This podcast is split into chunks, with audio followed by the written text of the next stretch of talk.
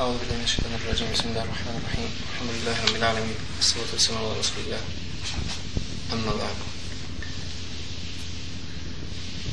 Otporit ćemo ko bude da radimo jedno poznato djelo od Ibn Taymiyyah rahmatullahi alaih iz akide koje se zove El Aqide El Wasitije Ovo djelo je nazvano što bi u prevodu značilo ako bi se prevodila prevodilo od riječi vasat što znači sredina kao središnja akida. Ako bude dobilo po naziv po samoj imenici. S obzirom da je ummet Muhammeda sallallahu alaihi wa sallam središnji ummet, kako kaže Allah subhanahu wa ta'ala, o kedalike ja'alnaku ummeta vasata. Mi smo vas učinili središnjim ummetom. Ili kako kaže jedan drugi dio islamskih učenja, kada je ovo dijelo nazvano po mjestu koje zove Vasit i gdje je došao čovjek Ibn Taymiyi, rahmatullahi alaih, poslije Kindije i pitao ga za vjerovanje ehli sunnete vol džema'a Tako da je on od Ikindije do Akšema napisao ovo djelo i s obzirom da je ovaj čovjek bio znači iz mjesta koje zove Vasit, nazvano je Vasitijskom, znači Akidom. Ibn Temir rahmatullahi alaihi otpočeo ovo djelo sa riječima Bismillahirrahmanirrahim. Što se tiče Bismillah sami otpočeo je Ibn Taymi kao što ovo, e, pisanje ovoga djela sa Bismillahom kao što je bio običaj svih islamskih učenjaka kada pišu svoja djela sa bismilulom zbog toga što je Allah subhanahu wa ta'ala podučio svoje robove u samom Kur'anu. Tako da je svaka, bismil, svaka sura otpočeta sa bismilulom kao što je Allah poslanik sallallahu alaihi wasallam podučio također ummet Muhammeda sallallahu alaihi wasallam rekavši svako djelo koje ne bude otpočeto sa bismilom to djelo je krnjevo, manjkavo. Iako je hadith slab. Značenje mu je vjerodostojno jer čovjek treba da traži beričet u svome dijelu.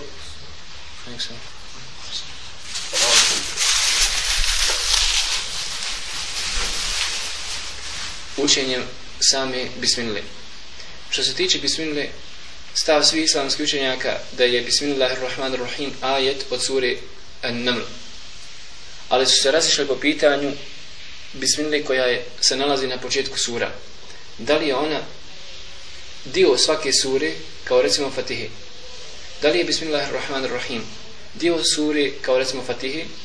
Ili je samostalan ajet koji ne ulazi u onu suru s kojom je u kojoj se nalazi?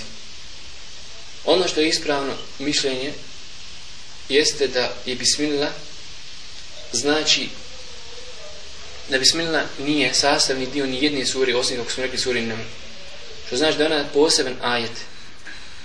Jer kaže Ibn Abbas radijallahu ta'ala anhuma, nismo znali gdje počinje, gdje završava koja sura, dok Allah subhanahu ta'ala nije objavio su, šta? Ajet, bismillahirrahmanirrahim. Gdje vidimo korist ovog, što smo sad rekli? Vidimo u Fatih, primjer radi. Ako bi rekli da je Fatiha rukn, odnosno fard, sastavni dio samog namaza, bez čije učenja nema ispravnosti namaza. Ukoliko čovjek ne bi proučio bismilu, ako bude sastavni dio, recimo fatije, to bi značilo da njegov namaz nije ispravan, pazite. Ali s obzirom da smo rekli da bismillah nije ajet od fatihe, niti od bilo koje druge sure, mimo sure nemu, otuda vidimo da ukoliko čovjek ne prouči bismilu i pored toga što misli i vjeruje da je fatiha, znači rukl, sasvim dio namaza, njegov namaz je ispravan. Kao što je neophodno, pazite, ukoliko bi rekao da je bismila dio jedne sure poput sure fatihe, kad se čovjek vraća sa sežde na rekiat, nije bi mu bilo dozvoljeno da počne učiti bismilu sve dok se skroz ne ispravi. Kao što imate mnogo ljudi Čim se vraćaju sa seždi, kažu Allahu akbar i nisu još se nispravili šta odmah, bismillahirrahmanirrahim, razumijete li? Što na osnovu ovoga kažemo onaj da je da mora odpočeti fatihu. Alhamdulillahi rabbil alamin kada bude se uspravio. Pa ako bi recimo u momentu se bude dizao, iako nije ispravno, pazite, da uči odmah bismilu, jer mora čekati da se ispravi, ali ako bi proučio bismilu u momentu dok se diže, onaj, ako ne bi odpočeo učiti fatihu, pazite, njegov namaz je ispravan i nema nikakvih problema. Sve zbog toga što smo rekli da bismila, šta? Nije? Nije sasvim dio jedne suri.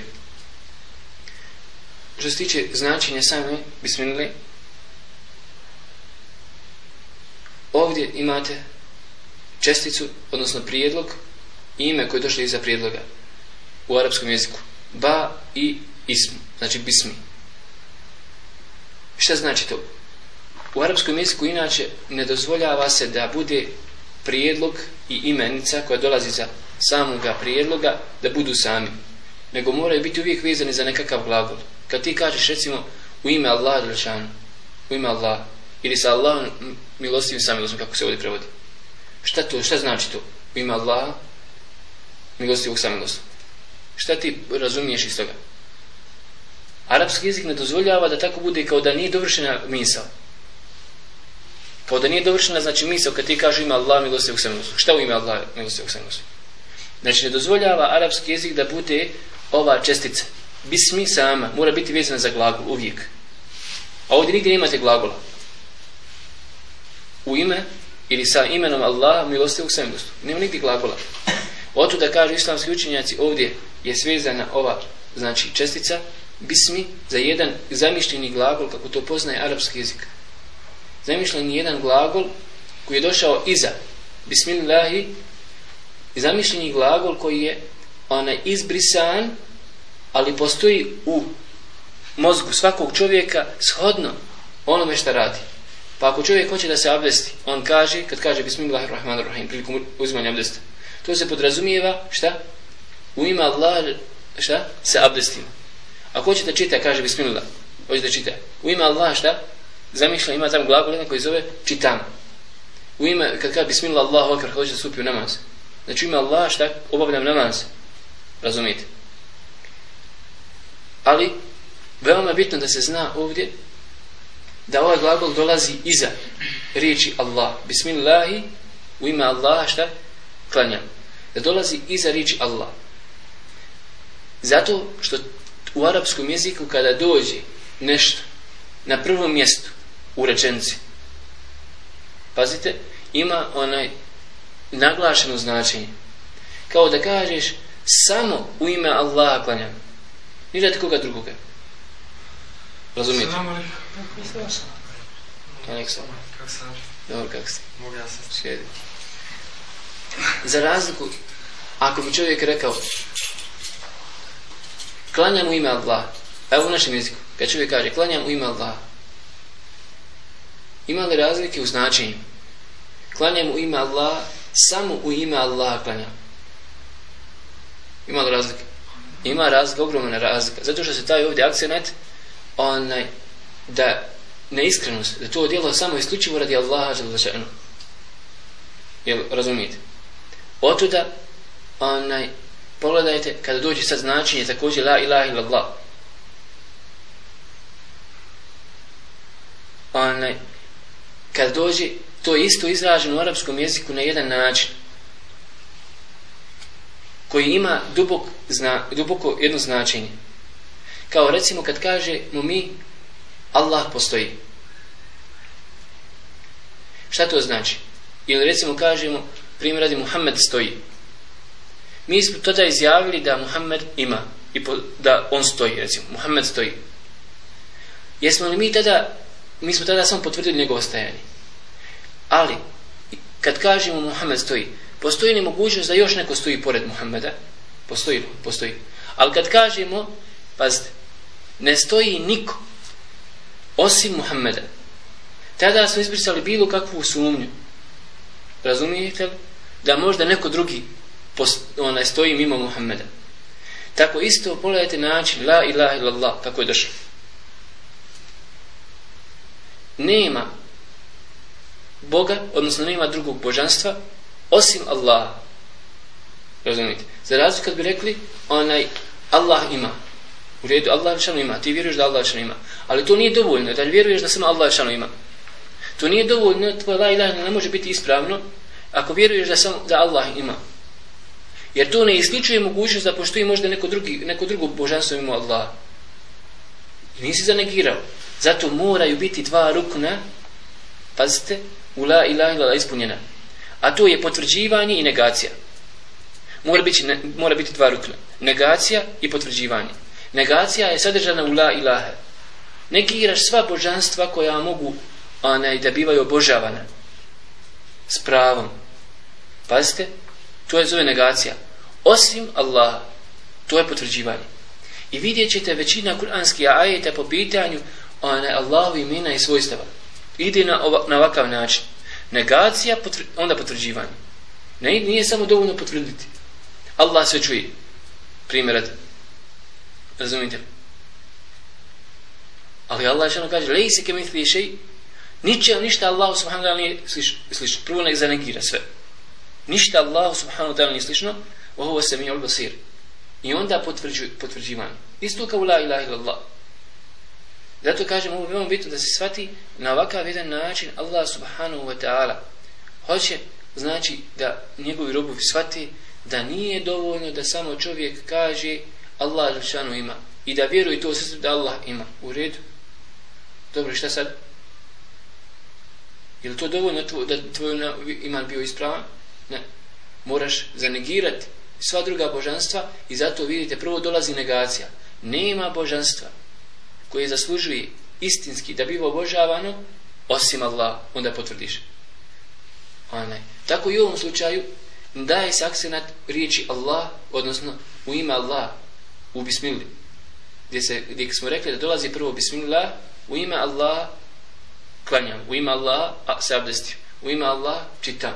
Onaj zamišljeni glavul koji smo rekli da bi se na taj način dalo, dao akcenat Allahu subhanahu wa ta'ala da to djelo mora biti isključivo radi Allaha Đelšanu.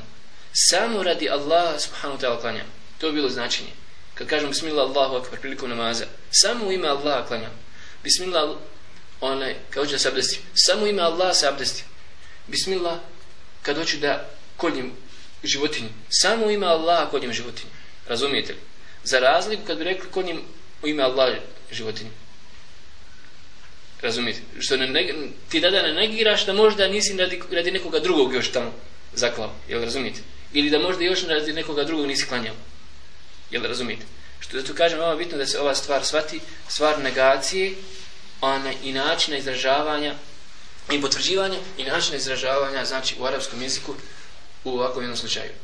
Riječ Allah, u riječ bismillah, bismillah, riječ Allah, većina islamskih učenjaka smatra da je to izvedenica. Pazite, da je to izvedenica.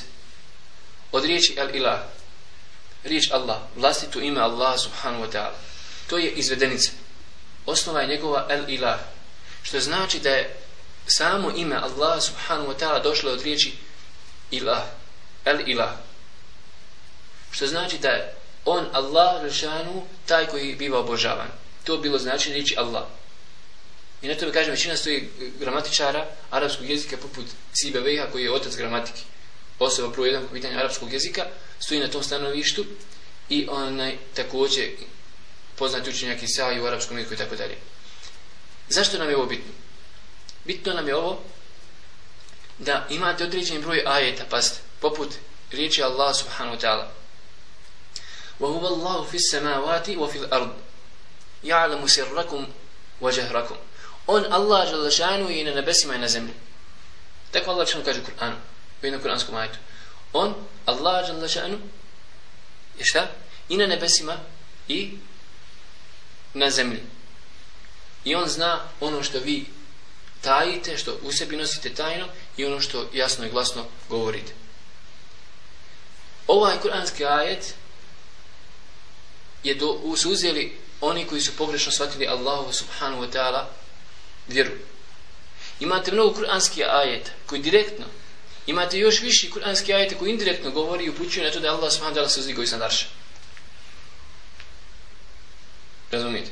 I sad dođu za, sa, sa jednim ili dva kuranska ajeta gdje Allah šan na ovakav način kaže Allahu fi samavati wa fil ard. On Allah je i na nebesima i na zemlji. Kažu Allah je i na nebesima i na zemlji. Ali kad kažemo da je riječ Allah izvedenica od šta? Od el ilah, što znači da on biva, da je on taj koji biva obožavan, da može riječ Allah, njegovo ime doći u značenju, da dolazi u značenju, da je on taj koji biva obožavan, onda mi kažemo značenje u kuranskog ajeta. Nije kako vi tako tumačite ga, jer imamo mnogo drugih kuranskih ajeta koji su potvrdili da Allah smadala iznad arša. Ar-Rahman Allah šisteva. Da je Allah šanu se uzdigao iznad arša, sa svojim bićem. Oto da ne možemo sada reći da je Allah šanu i na zemlji. Ali kažemo da ovdje značenje ovog kuranskog ajeta jeste wa huwa Allahu fi samawati wa on Allah lišanu na nebesima Allah lišanu u značenju ovdje šta onaj koji biva obožavan da je on Allah taj koji biva obožavan i na nebesima i na zemlji na nebesima od strane meleka meleki ga obožavaju na zemlji od strane meleka i od strane ljudi vjernika jel razumijete jeste razumijeli Bismillahirrahmanirrahim. Ar-Rahman. Što znači Ar-Rahman? I ime Ar-Rahman, ime Ar-Rahim je došlo od osnovi glagola, paste, R-H-M. Tri slova. R-H-M. Ali vidjet ćete da ovdje imate dodataka, to je osnova. Znači u arapskom jeziku osnova. Tri konsonanta. R-H-M. Tri slova. Ali vidjet ćete da riječ Ar-Rahman ima u sebi više slova nego riječ Ar-Rahim. Ar-Rahman ima više slova nego riječ Ar-Rahim. Otuda u tefsiru imate jedno pravilo. A to je zijadat fil memna te dulu ala ala zijada fil mana. Da kad ima više slova jedna riječ u sebi, a od iste izvedenice, ona ima i više značenja. Općenitije je značenje. Jeste razumijeli? I ovaj oblik koji je došao, Ar-Rahman, u arabskom jeziku je došao na jedan oblik fa'alan, upućuje na veličinu, na veliko značenje. I znači, rah, od rahama ima u sebi značenje milosti. I jedno i drugo ime ima u sebi značenje Allah subhanahu ta'ala da je Allah što nas opisao sa svojstvom milosti. Ali sa kojim imenom više je milostiv? U onom koji ima više slova. Jer smo rekli više slova kući na više značenje. Oto da kažu islamski učenjaci da ovdje Ar-Rahman njegova, sa ovim imenom Allah subhanahu wa ta'ala više smiluje. Pazite, i veća milost sadržana Allah subhanahu wa ta'ala u ovom imenu. I kažu ovdje je više milosti za, i sadržava prema, sa ovim imenom, on se smiluje i sa vjer, i vjernicima i nevjernicima. I oni koji ga obožavaju, koji mu zahvaljuju, i onima koji ga onaj ne obožavaju, koji mu ne zahvaljuju, koji ga psuju i koji ga razumite. Sa riječ Ar-Rahman i oni milostiv sa i prema vjernicima sa ovim imenom i prema nevjernicima na dunjaluku. Jer nećete nigdje, vidjeti, nećete nigdje vidjeti da ima neko posebno sunce koje grije nevjernik, a posebno koje grije onaj vjernik. Da bismo rekli da je samo milosti prema vjernicima. Ne, Allah što daje blagodati i vjernicima i nevjernicima. Sa ovim imenom i svojim milosti. Zato što je tu općenitija i veća milost Allah subhanahu wa ta'ala. Ali Ar-Rahim je milost sadržana u njegovom imenu Allah subhanahu wa ta'ala koja je sadržana samo isključivo za vjernike. Isključivo za vjernike koji ga one obožavaju i to će biti na sudnjem danu. Kako kaže Allah subhanahu wa ta'ala Rabbena ahrižna minha fe in udna fe inna zalimun. Znači na sudnjem danu nevjernici reći gospodaru izbavi nas iz njih iz vatri. Da se ponovo vratimo na dunjalog, pa ako bi ponovo bili nevjernici, pa ako bi nas kazni, onda, eto. A Allah što kaže, onaj, vada uruddu la adu, kad bi opet bili vraćani na dunjalog, nakon što su vidjeli džahnem, bili u džahnemu, i opet bi se vratili ovdje na dunjalog da živi sada ponovo opet, kaže Allah subhanahu opet bi opet bili nevjernici. To je takva nepopravljiva priroda, nevjernička, koja pored toliko ogromnih veliki broja ajeta i dokaza koja vidi oko sebe ovdje i pored toga opet hoće da budu nevjernici. I čak kad bi vidjeli džahnem svojim očima i kad bi ga osjetili i bili u njemu, fela uruddu la'adu, kad bi ponovo bili vraćeni na dunjalog i došli im poslanik, poslanici, došli im Muhammed sallallahu alejhi da kaže la ilaha opet ne bi rekli la ilaha, bez što su vidjeli. Razumite?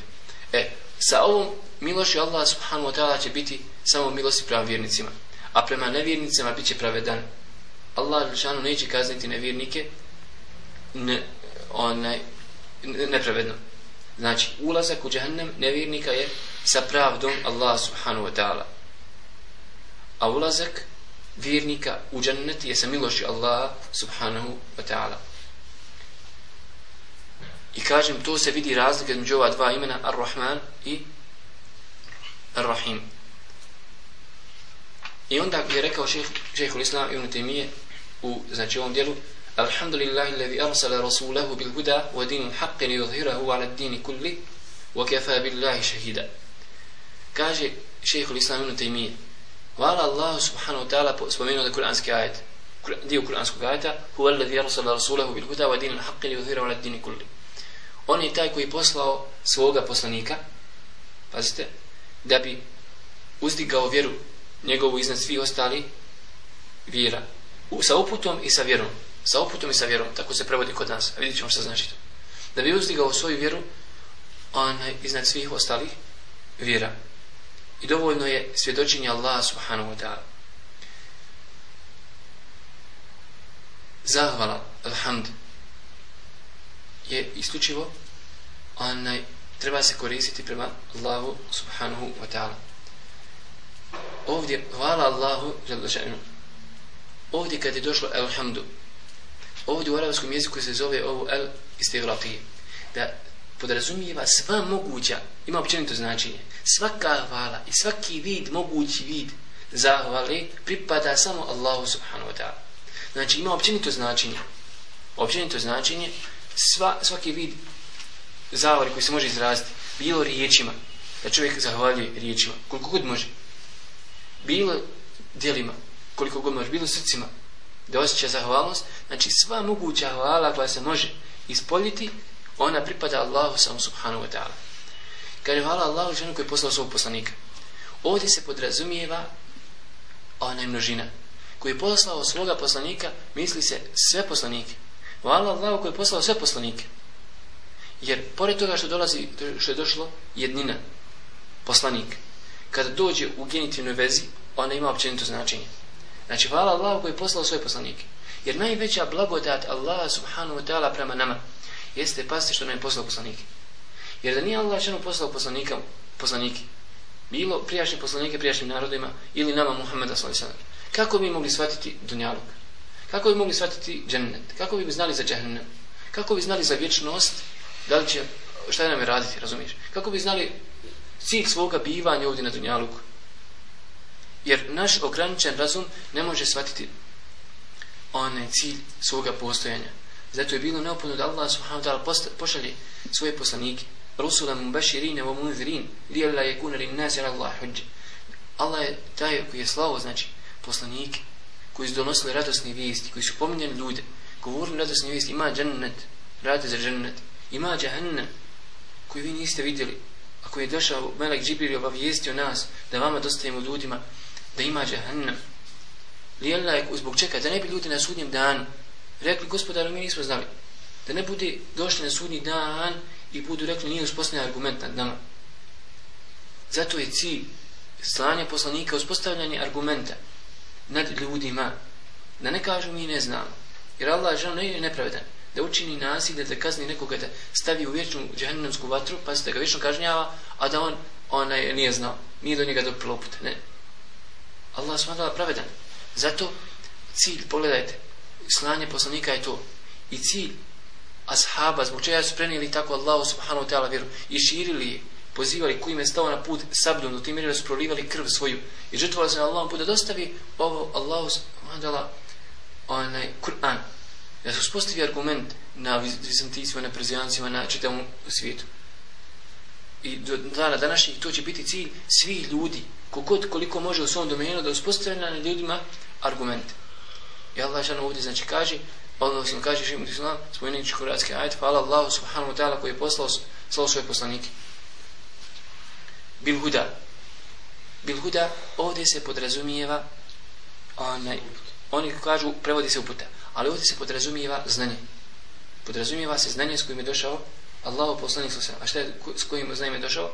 S Kur'anom i sa sunnetom Allahu poslanika sallallahu alejhi ve sellem. Biluda wa dinul haqq. Dinul haqq ovdje se podrazumijeva ist, a? Tako se prevodi vjera istine, ali u osnovi znači djelo, rad. Jer din, din dolazi sa više značenja. Dolazi u značenju djela. Dolazi u značenje djela i to je došla u značenje djela ona inna dina inda Allah islam. Jedino ispravno djelo kod Allah subhanahu wa ta'ala islam. Pazite, to bi doslovno bio prevod. Inna dina inda Allah islam. Da jedino, znači ispravno, prihvatljivo djelo kod Allah subhanahu wa ta'ala islam. Nema problema da se prevodi kao vjera. Jedina ispravna vjera. U osnovi zato što je sam islam djelo. I rad. Jer vjera je rad, djelo. Razumijete? Znači nijedno djelo neće biti primljeno šta čovjeka. Razumijete li? Bez islama. A došli u značenju nagrade. Din dolazi, din u značenju nagrade.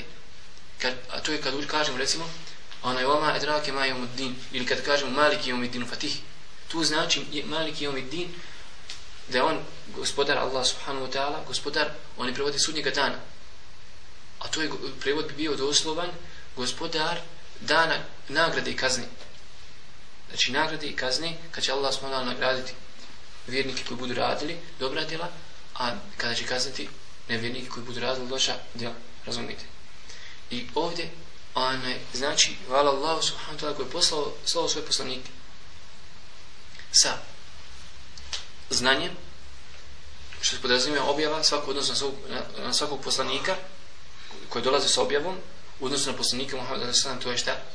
Onaj, Kur'an, je sunnet Allahu poslanika sallam, zatim, onaj koji poslao Muhammeda s.a.v. sa islamom, sa islamom, onaj, islamom.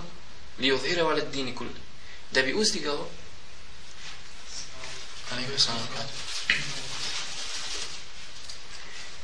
da bi uzdigao islam iznad ostalih vjera.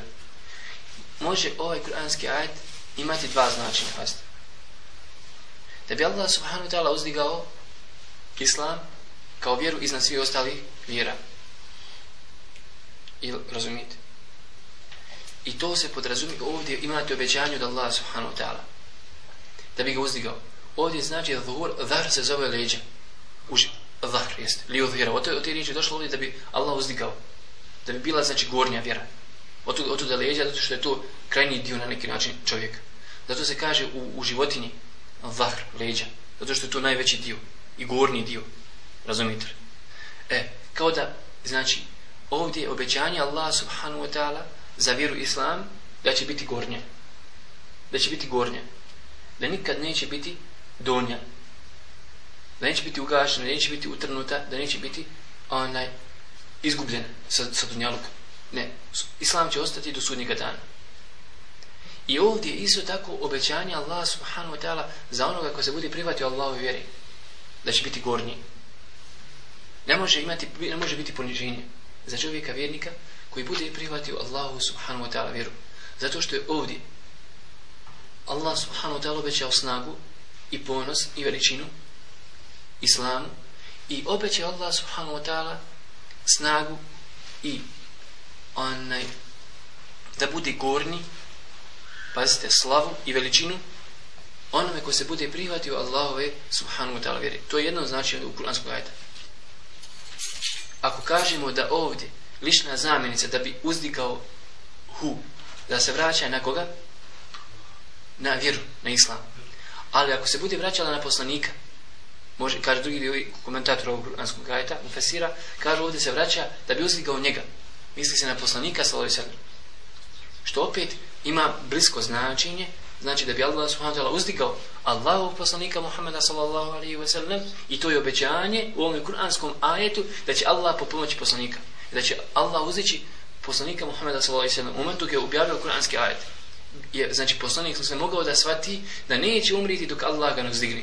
I dok ne pobidi, dok ne oslobodi Meku i dok ne bude zavladao arabijskim poluostrovom, razumijete? Ali A samim tim podpomaganje i uzdizanje Muhammeda sallallahu alejhi ve sellem jeste uzdizanje šta?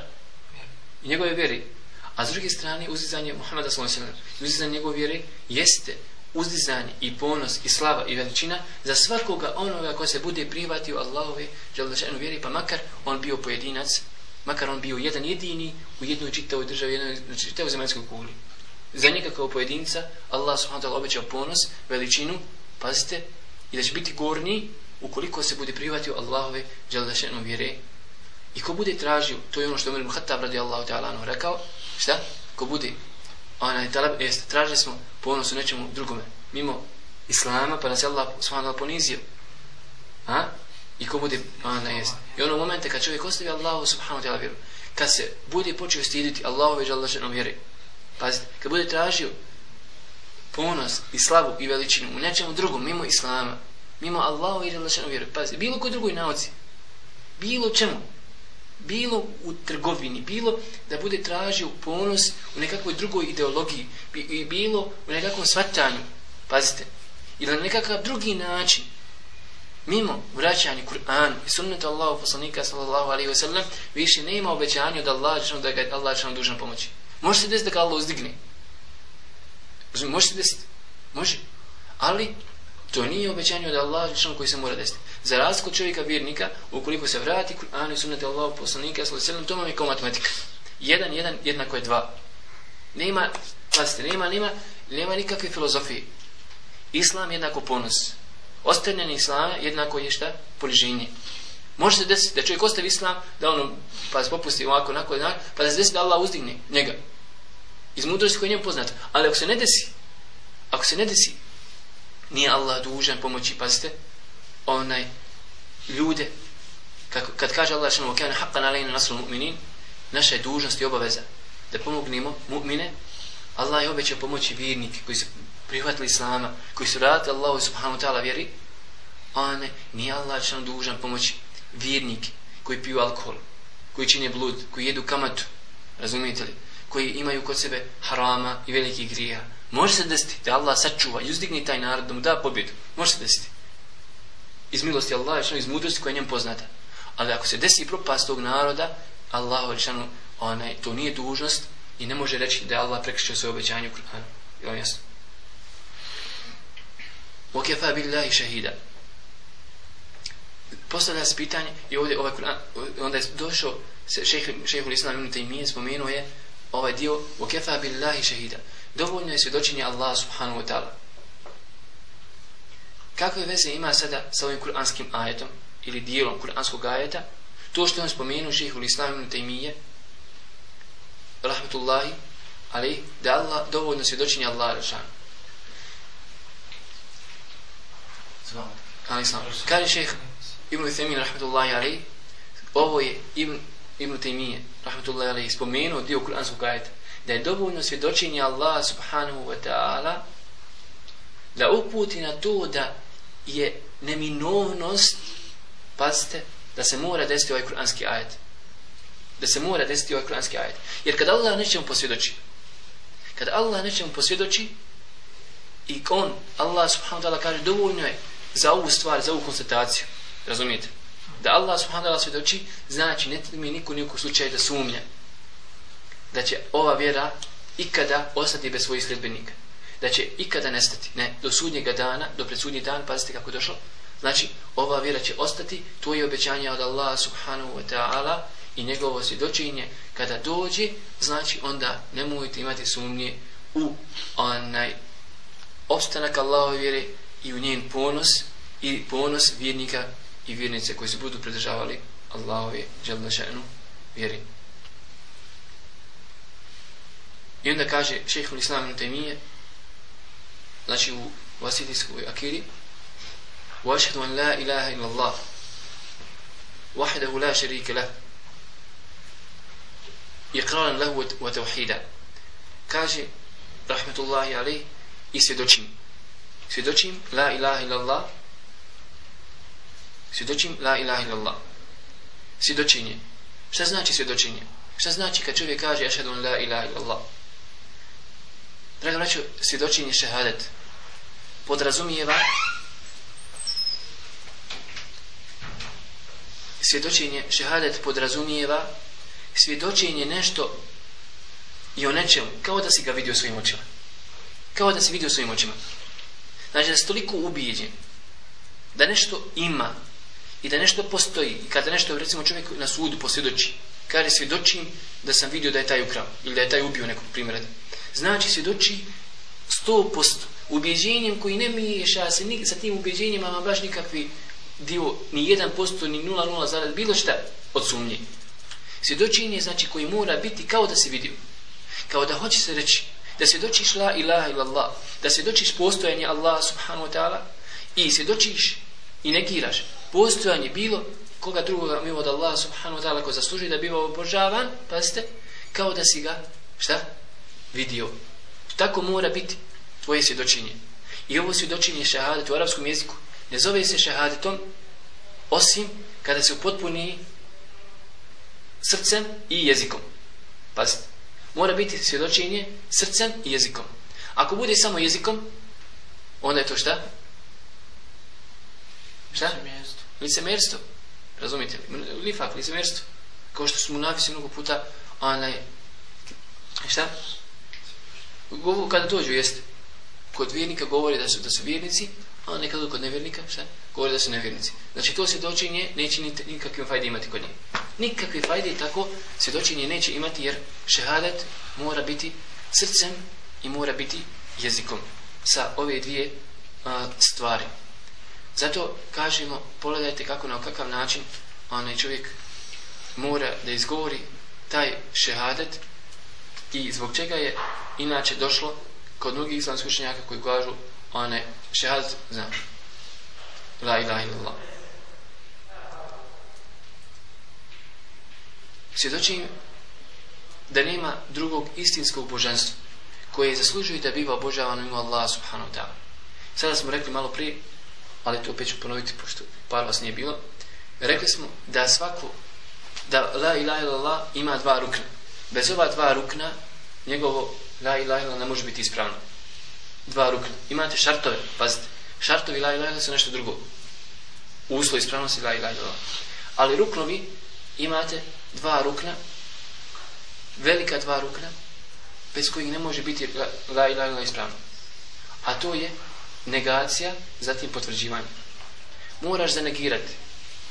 Prvo, nema božanstva istinskog, kažemo istinskog, ovdje ima, kako kaže jedu islamski učenjaka, znači istinskog, zato kada ne bi rekli ovdje da ima ova zamišljena riječ istinskog, onaj, ne bi bilo potpuno značenje.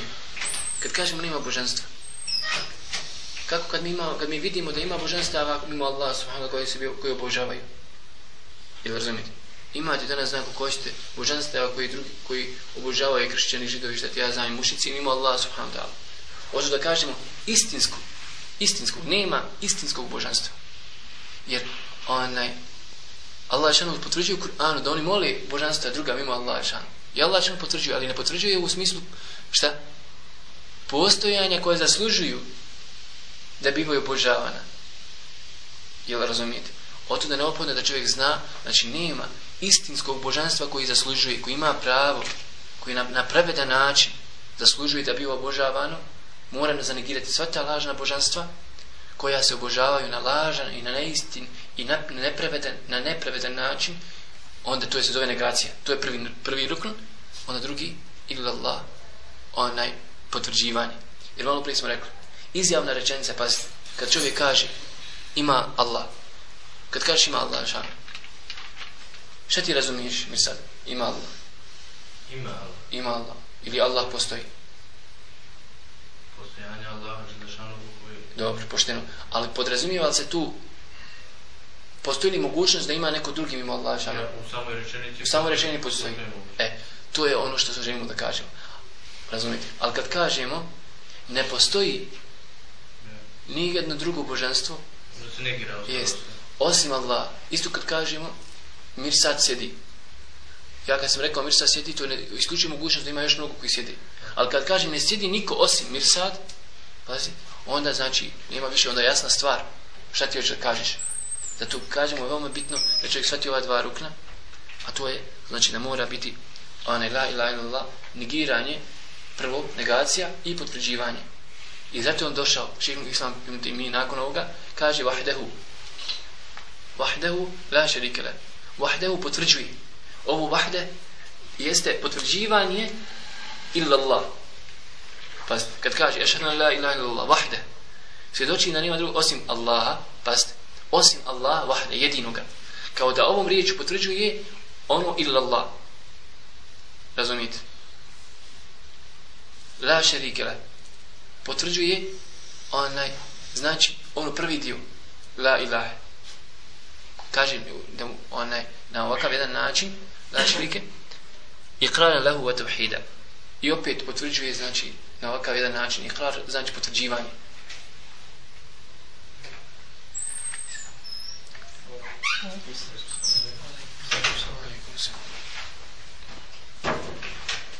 Koliko sati? 13 minuta. Pa inša Allah, da, ovdje ćemo stati kod Buda, onaj. Nastavit ćemo, Allah, sljedećeg ponedjeljka. Allah, ponedjeljka. Da, za početku vidjet ćemo kako će biti. Mm -hmm. U koliko sati? Pa inša Allah, 7 sati.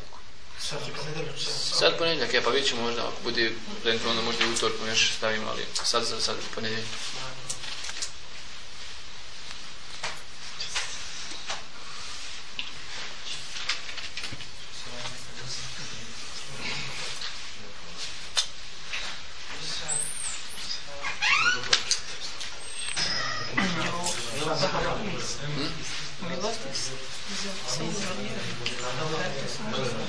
Na svojim danu.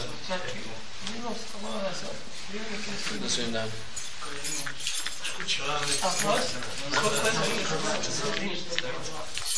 Jeste, vaset, jeste. Od, od toga, od, od veset, vaset?